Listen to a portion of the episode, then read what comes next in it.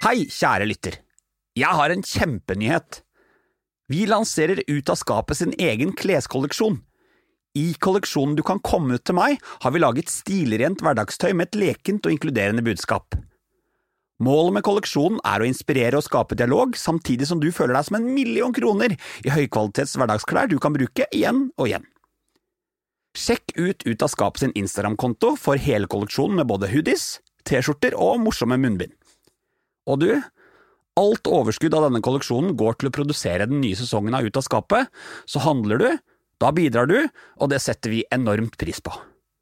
Nå starter podkasten, så kos deg. Hilsen fra Sølve og resten av teamet.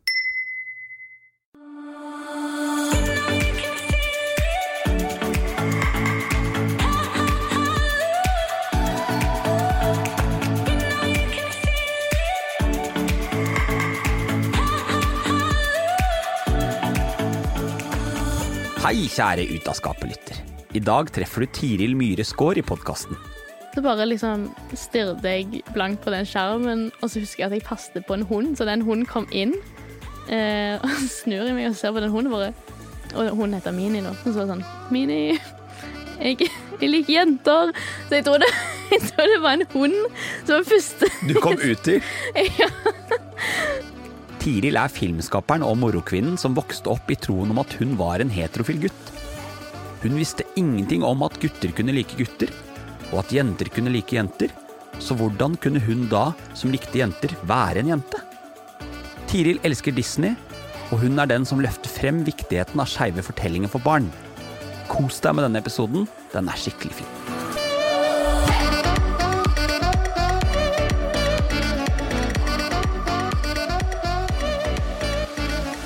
Hallo, Tiril! Hallo! Du, jeg er veldig glad for at du er her i studio med meg i dag. Takk. Det er nemlig sånn at jeg har fått ditt navn kasta på meg utallige mange ganger når jeg har lagt ut sånn Hei, hvem vil du høre i podkasten? Og så har de nevnt denne veldig søte jenta som du er. Det er egentlig bare jeg som skrev navnet mitt 20 ganger, eh, hvis jeg må være helt ærlig. Nei, jeg tuller. Tulla du egentlig? En- Hæ? Ja. Ja. Ja da. Ok. Det hadde i så fall også vært greit. Ja, men eh, vi kan la det være eh, en, eh, en Vi lar det bli en ja. sånn usagt. Ja, en, eh, et mysterium. Du, hvordan er livet som eh, filmskaper og morokvinne? Eh, livet som filmskaper og morokvinne er veldig Det er veldig bra. Eh, nå er det jo litt sånn korona og sånn, så det er jo litt, eh, litt ensomt hjemme. Eh, ikke så mange åpne filmfestivaler, men det var nylig en filmfestival som var faktisk IRL. Og ja. det var Oslo Fusion, som var veldig gøy Så da på. får man faktisk lov til å møte opp og se filmen. Ja, så det var, det var litt før eh, Før det ble litt innstramning nå nettopp. Hvordan gjør man filmfestival i korona? Det er veldig mye mm, avstand. Eh, Mye, mye antibac. Ja. Altså, det lukter sprit, og ikke den gode måten. Så det føltes ut som det var en annen type festival. ja, det Du kan si det sånn. Og så er det andre, er det mye online, eller? Ja, jeg tror det. Det var en del online, og så var det litt, uh, litt film. Uh, IRL. Du, fortell meg litt om hvordan du var som uh, unge. hvordan jeg var som unge. Uh, når jeg var en unge, så mitt største ønske var å være en gutt. Nå er jo jeg ei jente, da. Eh, så jeg vet ikke Det var liksom sånn når du hadde den der eh, minnebok, og så delte rundt i, i klassen på barneskolen, så var det liksom sånn eh, Hva har du lyst til å bli når du blir voksen? Og så var alle sånn Prinsesse, frisør, dy, dyrlege. så skrev jeg en gutt! så det var meg. Du var Altså hvor, Hele barndommen din så gikk du og tenkte at du var en gutt? Ja, Stort sett. Eller av det jeg liksom så var guttekjønnsrollen, så var jeg sånn Den passer jeg. Men hvor, hvordan blir det sånn? Nei eh, Nå har jeg jo sett litt sånn i retrospekt på det. Eh, og jeg tror det har veldig mye med at det er mangel på representasjon på eksempel filmer og TV og ja. At man bare er en veldig uviten unge og bare uh, OK, den boksen, den der, det må jo være meg. Og det var gutteboksen, da. Fortell litt hvordan, hva du gjorde som var typisk guttete, da. Eh, det var jo litt sånn at man eh, likte ikke å gå i kjole, eller likte ikke å gå med fargen rosa, eller liksom fletta hår. Altså, jeg likte heller å springe og liksom eh, klatre i trær, eh, spille fotball. Ikke at jeg er noe god i fotball. Egentlig så likte jeg ikke fotball da jeg var liten, men, eh, men det å liksom leke med guttene og bare snakke og liksom eh, Og så forelske seg i jenter, da. Det tror jeg hadde en stor uh, påvirkning på hvorfor jeg trodde at jeg var gutt. Men hadde du Du hadde vel mest sannsynlig ikke noe forhold til at det var mulig for en jente å forelske seg i en jente, da? Nei, absolutt ikke. Altså, når du ser Disney-filmer, så er det jo liksom sånn Det er alltid prinsen og prinsessa, og det er alltid liksom en maskulin gutt og en feminin jente. Og når jeg ikke passet inn som den feminine jenta, så var det jo sånn Å ja, da er jeg gutten, da. Og det var helt naturlig? Det, det var det eneste svaret jeg var, kom fram til, liksom. Er det de du hadde rundt deg, da? Altså Hvis du identifiserte, identifiserte så hardt som gutt, hvordan var det for de rundt deg å forholde seg til det? Uh, nei, altså Jeg tror det var en sånn prosess at jeg bare sånn Ja, nå er jeg sånn som dette, og så i tillegg til å ha en veldig åpen og skjær mor som bare var sånn Du er du, Tiril. Så tror jeg det kom ganske greit fram. Eh, men nå skal jeg si at eh, jeg var veldig heldig med venner, da. Eh, at jeg scora å ha liksom den kuleste gutten på skolen som eh, kompis, som bestekompis. Så da tjente, da tjente jeg respekt blant alle på skolen, og da tror jeg ikke noen hadde noe, noe vondt å si. Og jeg tror barn er mye mer sånn OK, forstår det forstår liksom godt at sånn Ah, OK, det gir mening. Bare sånn, Du trenger ikke gi en sånn stor forklaring til det, liksom. Men uh, ja, I don't know. Altså, Du beskrev moren din som en sånn skikkelig tiger mom. Ja, en tigermamma. Hva legger du i liksom, det? er ei, en tigermamma. Det er en mamma som har liksom klørne ute og er alltid beredt for å liksom beskytte ungen sin og liksom skåne ungen for liksom den store, farlige verden, da. Og det tror jeg at mamma var. Uh, for uh, nå var jo jeg ei jente som hadde lyst til å være en gutt, eller så ut som en gutt. Um, og det er jo et perfekt mobbeoffer rundt den tida jeg vokste opp. Så det å ha en mor som på en måte støtter deg og alltid har deg, det er en tigermamma. Men det er jo Dette er litt morsomt, for veldig mange foreldre som beskytter barna sine, de velger jo å beskytte de mot annerledesheten. Annerledesheten. Altså, de er livredde for det er, vel, det er ikke alle foreldre, men det er mange foreldre som er redde for å la gutta leke med sminke, eller la jentene spille fotball, eller gjøre litt sånne type ting. Mens moren din, hun lot deg jo gjøre alt dette. Ja, hun, Så hun var litt sånn annerledes tigermamma, da? Ja, ja, hun var jo det. Altså, jeg tror Det kan være litt tid i meg, men jeg tror altså hun sjøl eh, vokste opp veldig med at eh, veldig mange dømte henne bare for liksom hennes omstendigheter, da. Eh, og så fikk hun ikke helt være seg sjøl. Eh, det var sånn, Hun hadde veldig lyst til å ha langt hår, men, men mamma var alltid sånn 'Nei, du skal klippe håret, så slipper vi å liksom stelle med det håret.' og ja, alt sånt som det. Eh, så hun ville jo først at jeg skulle ha langt hår, fordi det var noe hun ikke kunne få. Men når jeg var sånn eh, et lite barn som bare grein fordi 'jeg vil ikke se ut som ei jente, jeg vil ha kort hår sånn som MacGyver', da var hun sånn 'OK, jeg ser deg, og du skal få lov til å se ut som MacGyver'. Jeg syns det er så fint det du sier at Og det er, det er et viktig poeng at på, når man er barn, og på barneskolen, så er barn så utrolig aksepterende. Ja. Det er sånn, For du opplevde det at på barneskolen så var det helt greit at du var sånn som du var? ja. Det var ingen som stilte spørsmålstegn ved det? Nei, og jeg tror eh, oppriktig at jeg var på en måte det eksempelet som skilte seg litt ut på skolen. Og siden jeg var den jenta på skolen som var litt annerledes ut, så tror jeg veldig mange på en måte var sånn OK, det går an. For du følte egentlig ikke på noen form for utenforskap i barneårene? Nei, ikke Du var en del av det, liksom? Ja, altså, jeg følte et veldig sånn fellesskap, i hvert fall blant min skole.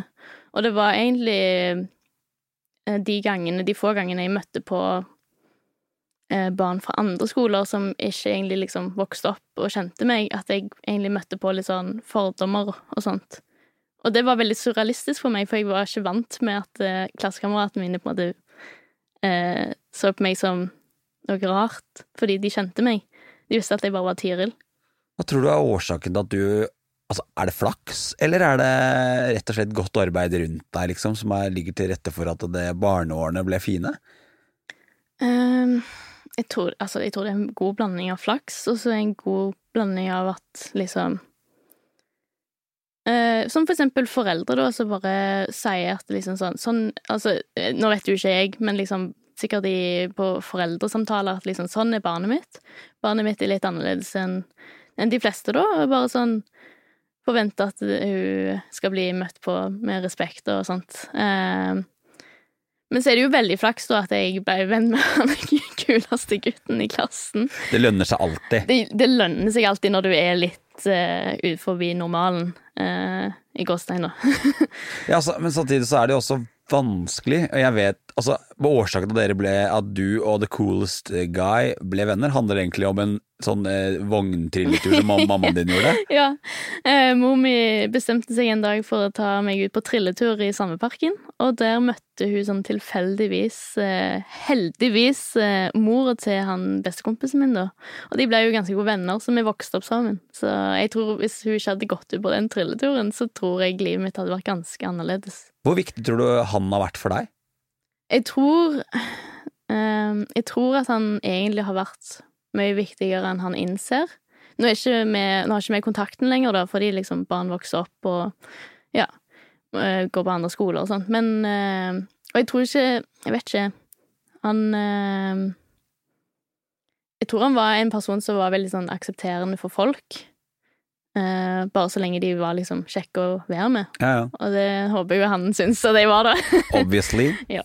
ja, for det, det er jo litt unikt, for det er jo mange som på en måte forandrer seg opp igjennom. Du sier man vokser fra hverandre, men det er jo også mange som ikke klarer å stå imot det presset. Det kan jo godt hende at han har kjent på litt press at ok, dere er venner, og, og hun er jo veldig annerledes. Mm. Åssen kan dere være venner? Da, han har tydeligvis tatt noen avgjørelser han også har vært viktig at deres vennskap har betydd noe. Ja. Så det er eh, Jeg syns det er bare sånn det er rørende å høre at uh, dere sto sammen om det her hele tiden. Ja, altså, jeg tror vi sto sammen ganske lenge, men sånn så de fleste eh, barn, da, så møter man jo på puberteten. Mm. Og jeg tror puberteten og det liksom få nye venner kan ha på en måte drevet oss litt fra hverandre. Så, og det er veldig viktig å si da at under puberteten eh, når jeg plutselig begynte å få pupper, eller liksom alle jentene begynte å sminke seg, så følte jeg jo jeg veldig på det presset. Så jeg trakk meg jo kanskje litt mer mot jentene fordi jeg følte det var nødvendig, eller ikke nødvendig, men at det var sånn det skulle være. Ja, for du sa til meg at altså, overgangen mot ungdomsskole for deg ble en skikkelig identitetskrise. Stemmer det? Mm, ja, ja det, altså det var jo det. Det var jo på en måte eh, Når alle disse forandringene eh, i kroppen og alt sånt som dette her, og sosialt, begynte å skje, så hadde jeg et valg, og det var liksom nå må jeg på en måte legge fra meg denne gutteidentiteten. Altså guttetiren må tilbake i skapet, håper si. Hva var det som gjorde Eh. at du følte at du måtte gjøre det? Jeg vil jo si at det, det har mye med å si at eh, jeg gikk fra barneskolen til ungdomsskolen, som var da et helt nye folk og et nytt miljø, og liksom Man blir eldre. Og eh, jeg tror det var veldig skummelt for meg eh, å være den jeg var på barneskolen, for jeg visste at eh, ikke alle kom til å forstå meg der. Kan du huske at du reagerte på at kroppen forandra seg?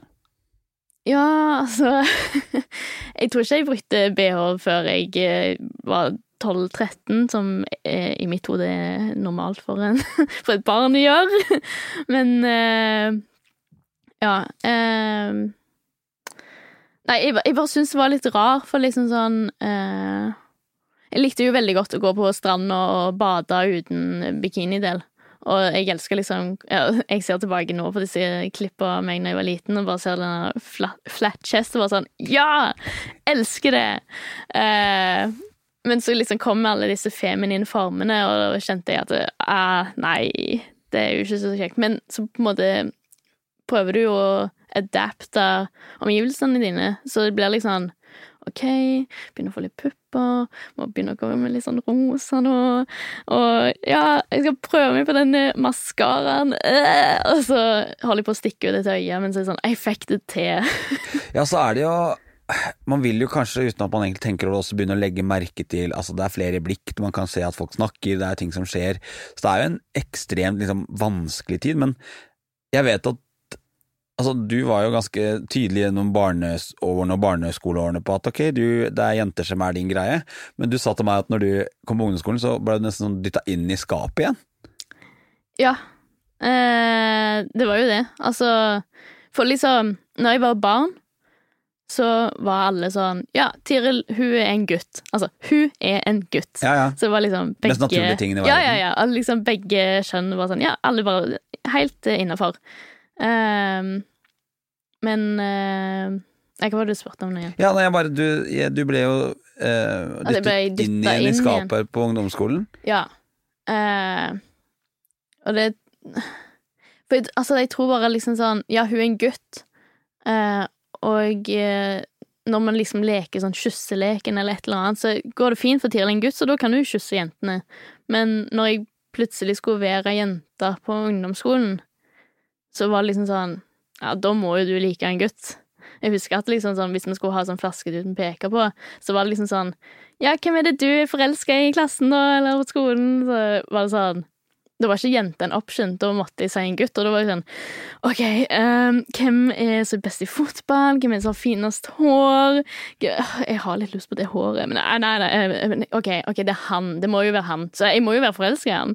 Og så husker jeg at jeg måtte Eller måten for meg å på en måte overbevise meg sjøl at ja, jeg er forelska i han. Så tenkte jeg OK, hva ville en normal straight girl gjort i min situasjon? Jo, jo, jo. Man på Når man har fått seg Facebook, så går man på Facebook, og så laster man ned profilbildene til den, liksom den, den gutten man er forelska i, da. Og så bare ser man på disse bildene. Har han i en sånn gjemt feilmappe på PC-en, og så ser du liksom sånn bildeshow, og bare sånn Forelsk deg, forelsk deg, forelsk deg.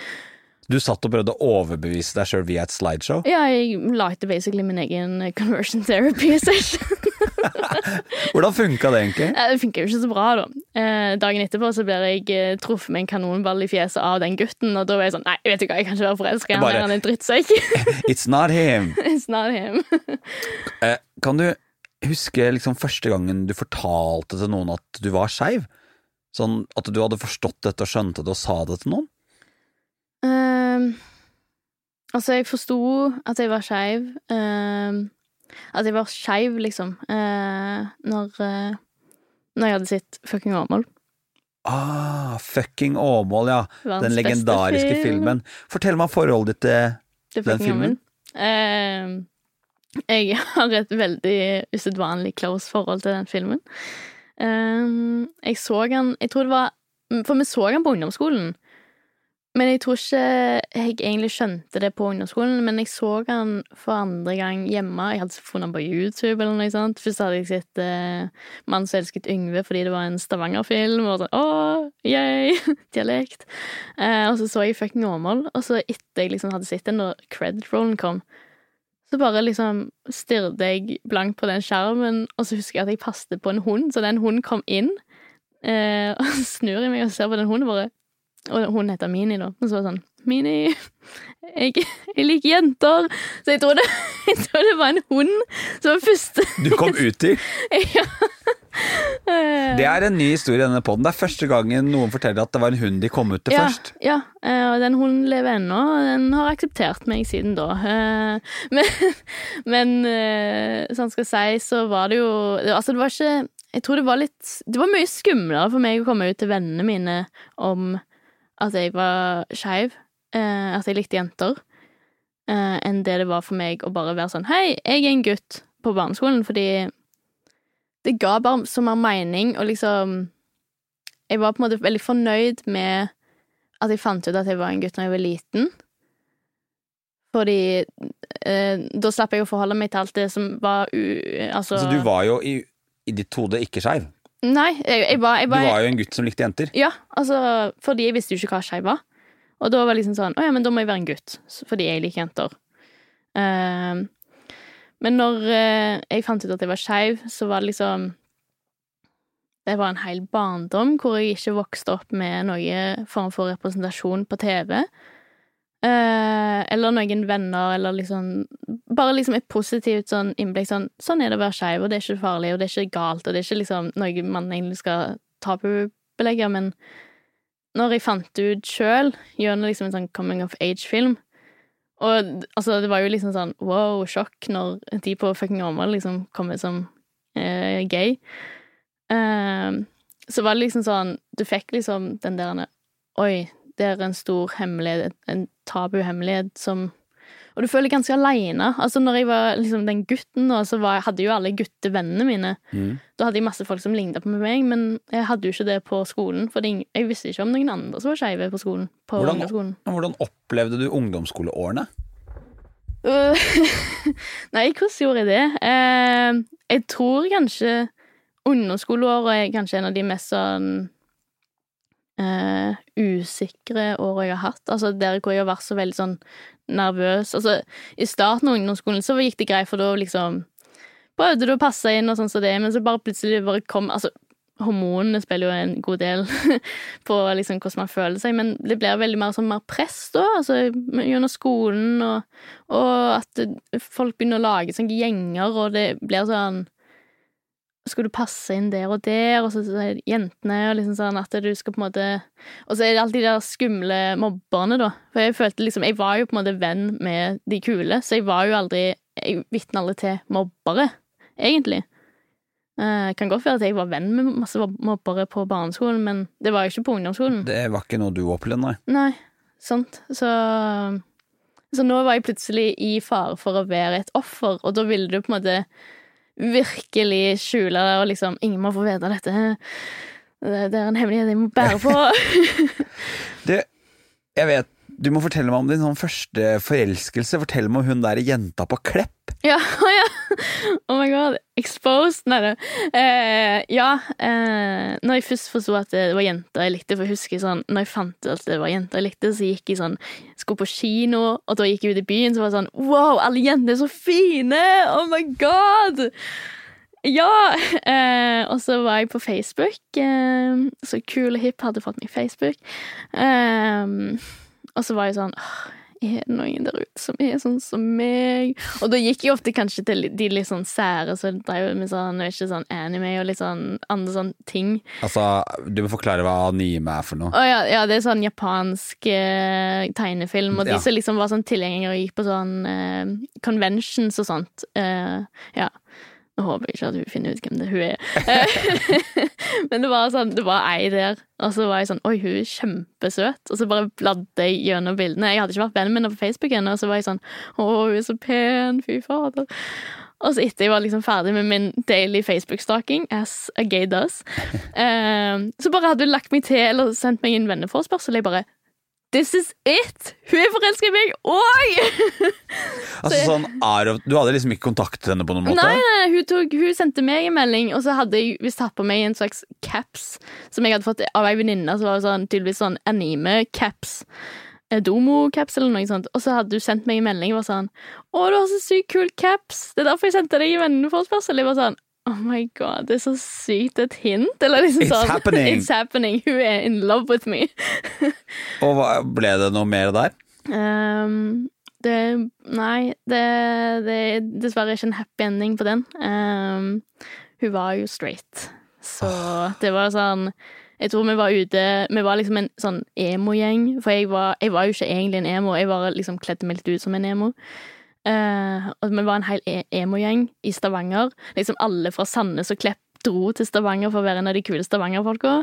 Hang på Sølvberget. Og så satt vi der, og så var det liksom sånn Skulle vi ha sånn eh, nødt eller sannhet? Og jeg bare ble sånn jeg kan, ikke, jeg kan ikke spille dette, for da kommer sannheten ut! At jeg er forelska i deg! Og da var det sånn Jeg, jeg må gå hjem litt tidlig. Tok toget hjem til eh, Sandnes. Fant ut at hun hadde kysset en gutt på den der som hun likte. Og jeg var sånn Det gjør det vondt, sant? det gjorde så vondt. Det var min første heartbreak, og jeg måtte låne Spotify til bestevenninna mi for å kunne cry it out. Did you cry it out? I cried it. Altså, ungdoms-heartbreaks, de er vonde. Det, er jo Altså, ja. man tror jo at man skal dø. Ja, og så er det sånn Jeg kan ikke bli lykkelig igjen. Nei, og det, det har du ikke blitt heller, si. Nei, jeg Det sitter fortsatt inni. Ja, jeg venter på at du skal ringe meg. Nei.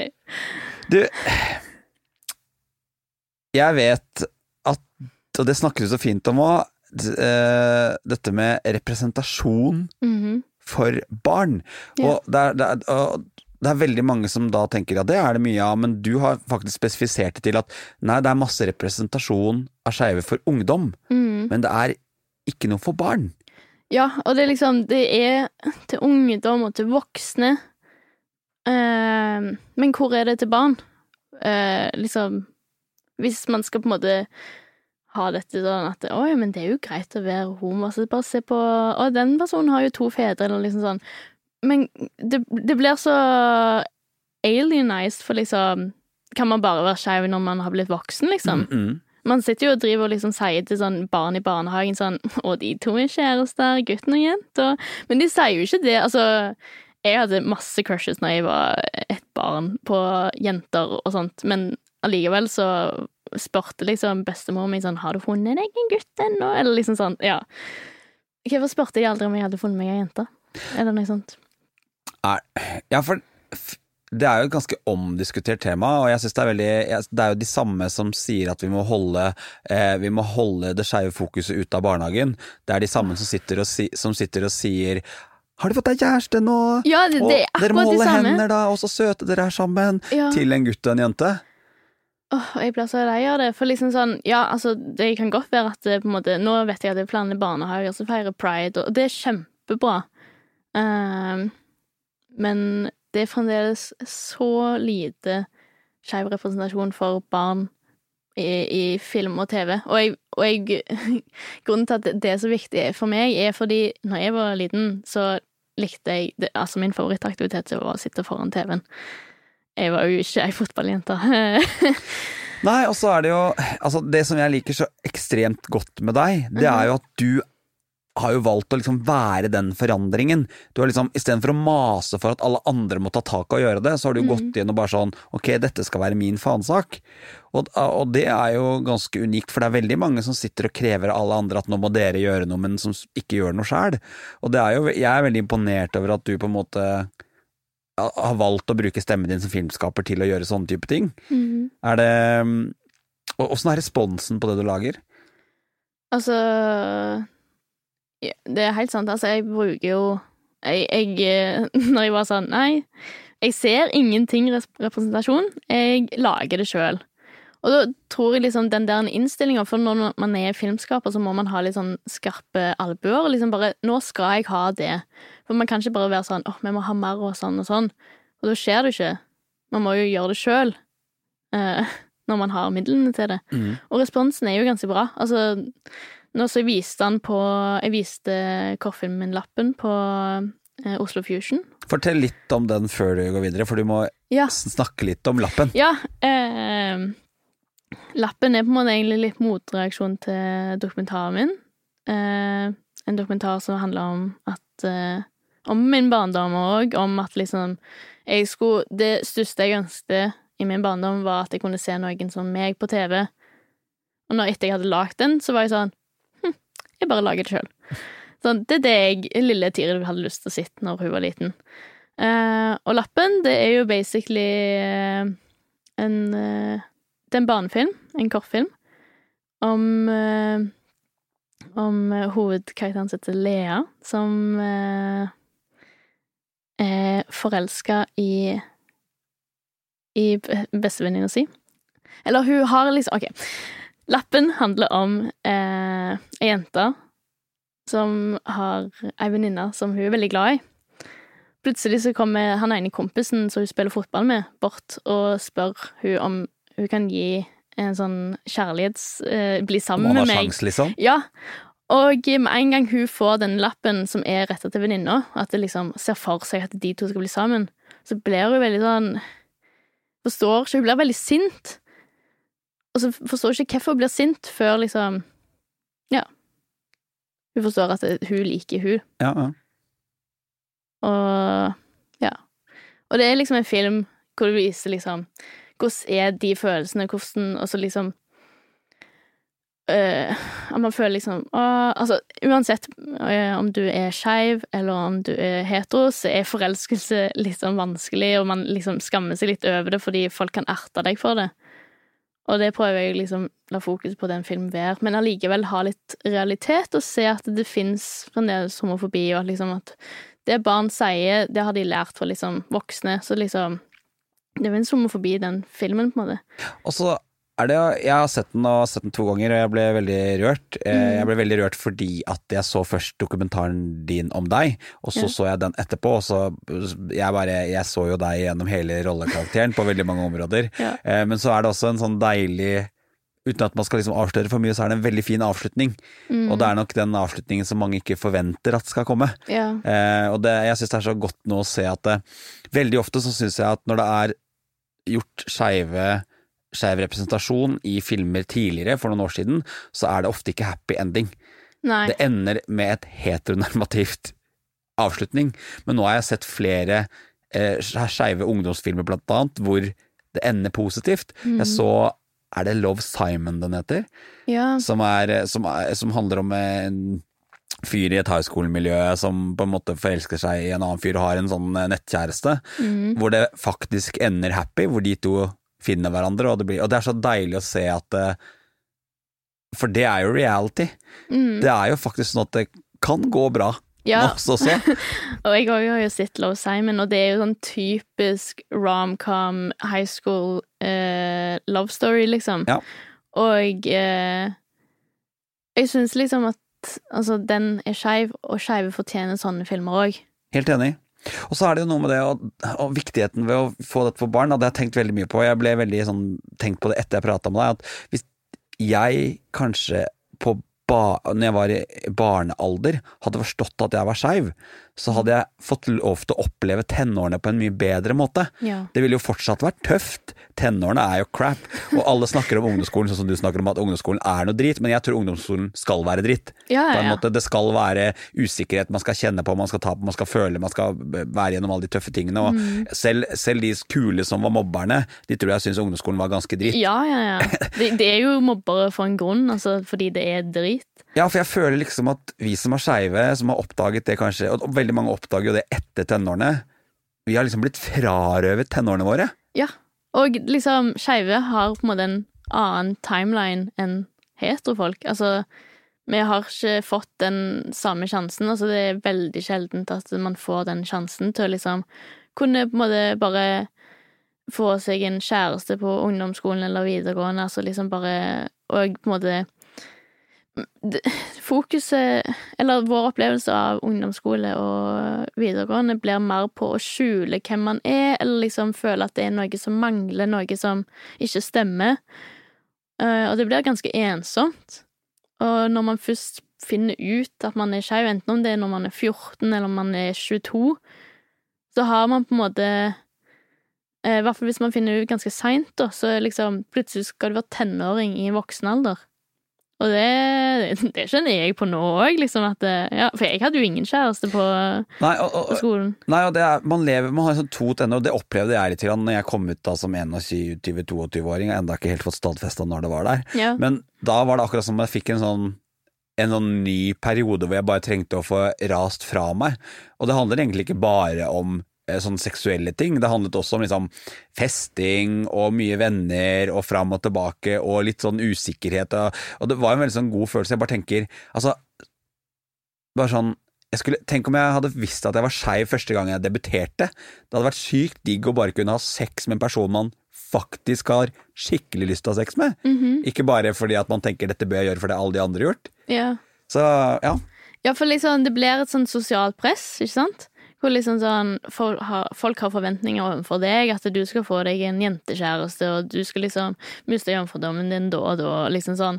Og det blir sånn, enten så må man gjøre det og bare late som eh, det var bra, Eller så må man bare være den som er sånn 'Å nei, men jeg har ikke funnet rett', eller liksom bare være sånn anonym og liksom være den jomfruen som ennå ikke liksom har ligget, eller bare sånn Den som ikke klarer å få tak i en kjæreste fordi liksom man er for usikker eller et eller annet, sant. Men hvis man på en måte bare hadde hatt det åpent fra starten, at ja, ja men hva med jenter, eller hva med gutter, liksom, og så bare sånn. Og at det Og så blir det jo òg sånn, fordi det er så mange som eh, Altså, det er sikkert veldig mange som du gikk på skole med, eller som jeg gikk på skole med, som òg var skeive, men man kommer ut i forskjellig alder, og man finner ut Og det er jo selvfølgelig på grunn av at eh, heteronormen som vi lever i, og liksom sånn at man forventer det og det, så finner man det ut seinere enn liksom de som på en måte passer den heteronormen. Derfor kan de på en måte ha den opplevelsen på skolen, da. Så Det er morsomt du sier det. Jeg, senest for en uke siden så fikk jeg Nå har jeg visst at han, han og hun jeg skal snakke om nå er skeive noen år, men det er litt sånn jeg, Plutselig sendte han med en barneskolekompis, vi gikk i samme klasse mm -hmm. på, ja, i, på, barneskolen. Der er vi liksom tre stykker i en klasse på 15 stykker som i dag er skeive. Mm. Vi er da to homofile og en jente som Nå vet jeg ikke hva hun definerer som, og det trenger du ikke gjøre, men i hvert fall at hun er sammen med en jente nå. Mm. Og det er sånn Tenk om vi hadde visst det tidligere. En, og vi var jo en, en vennegjeng òg. Tenk hvor enda kulere vi kunne hatt det. Ja. Da hadde vi hatt hverandre, men vi valgte liksom å utsette det i så Eller vi, valgte, vi hadde ikke noe forhold til det så mange år, for det var jo ingen som snakket om skeive i det hele tatt. Ja. Men jeg har jo fått med meg nå at Disney har kommet med en film. Har du fått med deg det? Hva slags film? De har kommet med en film med, eh, hvor det er to skeive hovedroller. Stemmer det? Er ikke det den kortfilmen de Out? Ja. Har du sett den? Den ligger på Disney Pluss. Og jeg har Disney Pluss, men jeg har ennå ikke sett den. Jeg, jeg føler at det, det, må du se. Ja, den må jo jeg se. Uh, men jeg tror jeg har hørt litt om den. Ja, ja. Uh, og det er, jo, altså, det, er jo, det er, jo, steps, det er jo baby steps, føler jeg, til den filmen. Uh, og det samme var jo med hva, Er det ikke en hom homokarakter i Frozen hvor det er han der Big Summer Blower. Han der har en mann og to-tre barn. Og så da alle var jo sånn å oh nei, vi kan ikke ha en homo i Disney! What about the children? Og nå kommer de med en kortfilm, uh, Out. Og den er jo Jeg har jo ikke sett den. Men igjen så tror jeg det er voksenpersonene som er skeive. Ja. Det er ikke, ikke barna. Sant? sant? Det er ikke barna. Jeg har sett en annen kortfilm. Uh, jeg vet ikke hva den heter. Den heter noe med Heartbeat. Mm. Var en, det var en sånn uh, animasjon, kortfilm. Og det handler om faktisk barn. Og jeg tror faktisk den indirekte har vært litt inspirasjon til, til lappen, faktisk. For den har en happy ending. Så det er bare å google den. Den har en veldig happy ending. Du, vi skal snakke litt mer om stalking. Ja. For da så jeg at du rynka litt på nesa i stad når du, sa det i en bisetning. All den rare stalkingen vi skeive har gjort opp igjennom. Og, og jeg, jeg, tror ikke du Altså, jeg tror ikke du skjønner hvor langt man er villig til å gå for å prøve å finne noen som er som seg selv. Ja, og liksom sånn um, Hvis man ikke Altså, du går på skolen, finner ingen Eller finner ingen tegn til at noen er skeive. Hva gjør du da? Jo, på, når jeg var ung, så hadde jeg Tumblr. Så fant jeg noen eh, på andre sida av jorda som kanskje følte det samme, og liksom bare blei venn med de. Prøvde å få sånn Tumblr girlfriend og liksom sånn, ja. Men, altså, altså, men så vil man jo ha noen i nærheten som er sånn som deg, fordi ja, ja. lengselen til jeg, jeg, jeg kjæreste det, ja, ja, jeg husker det at jeg det var sånn, Hvis jeg for eksempel så et eller annet sånt fra Oslo, for eksempel, et bilde at de hadde gjort et eller annet stunt sånn, Det kunne være noe tilsvarende pride-greier. Ja. Så liksom lasta jeg ned bildet på PC-en, og så gikk jeg, så zooma jeg på det for å se hvem som var på bildet, og så fant jeg en fyr som jeg syntes var kjekk.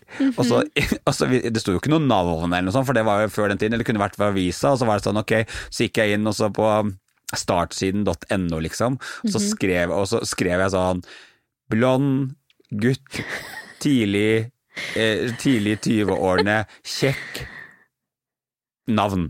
Pluss navn. Og så søkte jeg, og så var det sånn akkurat som jeg trodde at da skulle det komme opp. Da skal svaret komme. Men altså, jeg tror ikke du skjønner hvor, hvor langt ned man kan altså, Hvor langt ned in the rabbit hole du kan grave deg, og så finner du ut av ting.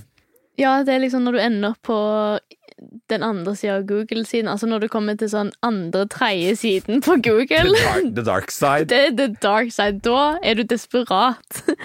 Og det er så morsomt. Og så husker jeg da når jeg flyttet til Oslo, Ja. så var det jo mange av disse guttene i homomiljøet som jeg visste Jeg visste så mye om det, jeg.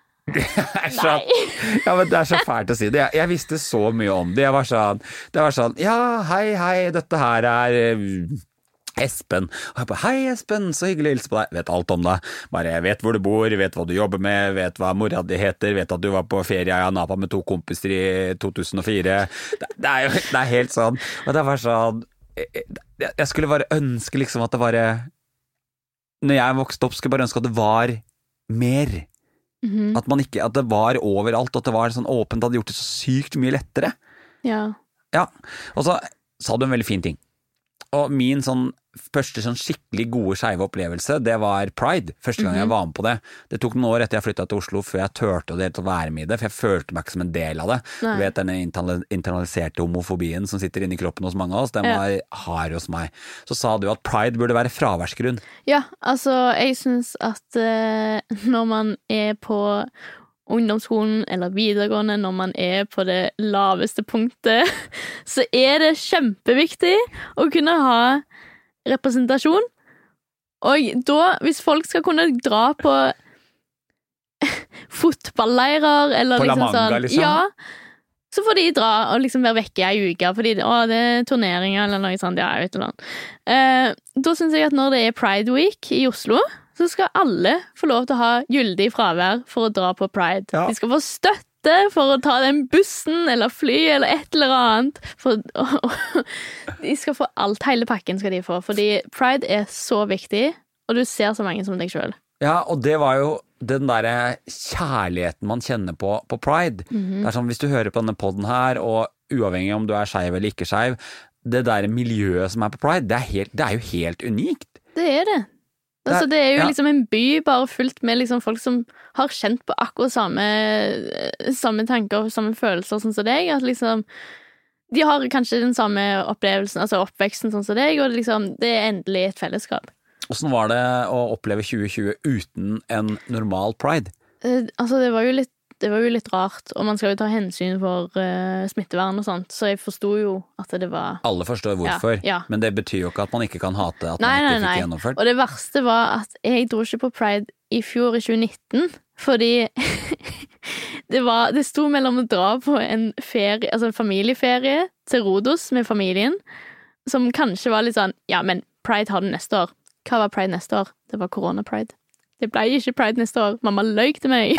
Altså, jeg, jeg har bare innsett at man kan aldri være borte fra pride. Ja. Det går ikke, for at det blir et tomt hull i året. ja. Det er sånn, Jeg har en eh, nær kompis som i fjor under pride valgte å dra, valgte å dra på hyttetur til Hvaler. Altså, altså, jeg tror ikke straight folk, eller liksom bare for, generelt folk, forstår at pride er viktig nok. Altså, pride er julaften for meg. Det er større enn julaften. Det er den største holiday season jeg vet om. Du kan ikke ta pride fra meg! Det, that's everything. Ja. Nå har vi jo snakket mye om jeg synes det har vært veldig spennende å snakke med deg om liksom dette med, altså med uttrykk og hva man kjenner seg igjen, og legning og Mhm. gutt, jente og alt dette her. Hvordan har du det i dag, I dag med alt du har vært igjennom, liksom? I dag så er jeg mye smartere og mye klokere og liksom mer åpen og mindre fordomsfri, egentlig. Altså, eller, ja, jeg er, jeg er fordomsfri.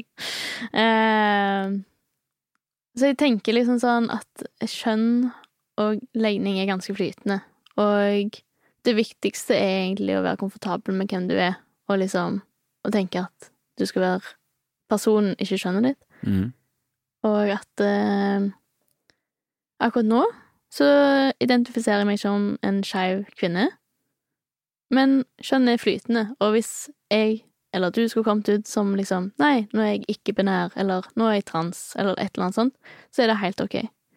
Ja, for jeg tror det er viktig å forstå at alle disse, altså disse legningene og kjønn og uttrykk og alt dette, det forandrer seg på ulike stadier av livet. Mm. Og liksom, det er Vi forandrer oss, tida forandrer seg, og man har nye ord på ting som man ikke visste fantes ord på, følelser og sånt. Og alt er under utvikling, og liksom Jeg tror det viktigste er bare å være et godt menneske, egentlig.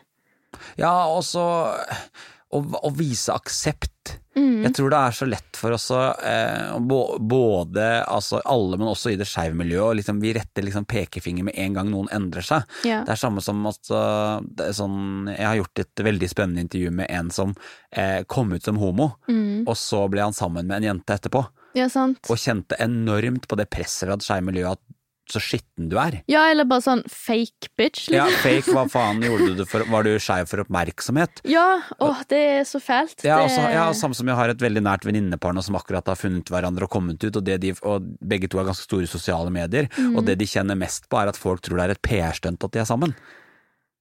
Men hvem gidder det? Ja, ja, altså? ja, men hvem gidder det? Men det verste er at noen av de verste kritikerne deres er jo fra det skeive miljøet, for de aksepterer ikke Mm. de, de tror ikke på det. Det er litt sånn, det er ganske stygt å ikke velge å tro på kjærlighet. Det er ganske dobbeltmoralsk, egentlig, å bare være sånn Du skal få lov til å elske hvem du vil, men du skal gjøre det på den rette måten. Eller du skal, du skal ikke få lov til å trekke deg tilbake, eller liksom finne ut noe annet. Du skal liksom Nå er du låst i den båsen som homo, så du kan ikke liksom bli sammen med det motsatte kjønn. Liksom. Det er tabu. Altså, jeg trodde poenget med, med liksom homobevegelsen var at man skulle ikke leve i et tabu, at den man elsker, det skal ikke være tabu. Så hvorfor skal det være motsatt hvis man finner ut at nei, jeg likte en mann, eller nei, jeg likte ei dame, liksom. Og da må det være greit. Og jeg tenker, Mm. om man går fram og tilbake og hit og dit og, og har lyst til å smake på hele buffeen, for det er jo sånn der, Ja. så er det fint. Og det tror jeg også er ganske med på Altså, jeg er jo Jeg har vært alltid, og jeg har lenge vært den der som bi er bare en fase. Det, Mhm. det har jeg ikke noe problem med å innrømme, for det er typisk. Ja, men, det, men tingen er at det, grunnen til at vi har den innstillingen, er fordi det var en fase for veldig mange. Det var en fase, og det var en, det var en form for å verne meg selv, lite Mhm. grann. Eh, men så har jeg innsett nå at det er kanskje de som er bi eller pan eller hva det er, som er de som gjør det enklere for flere å komme ut. Ja.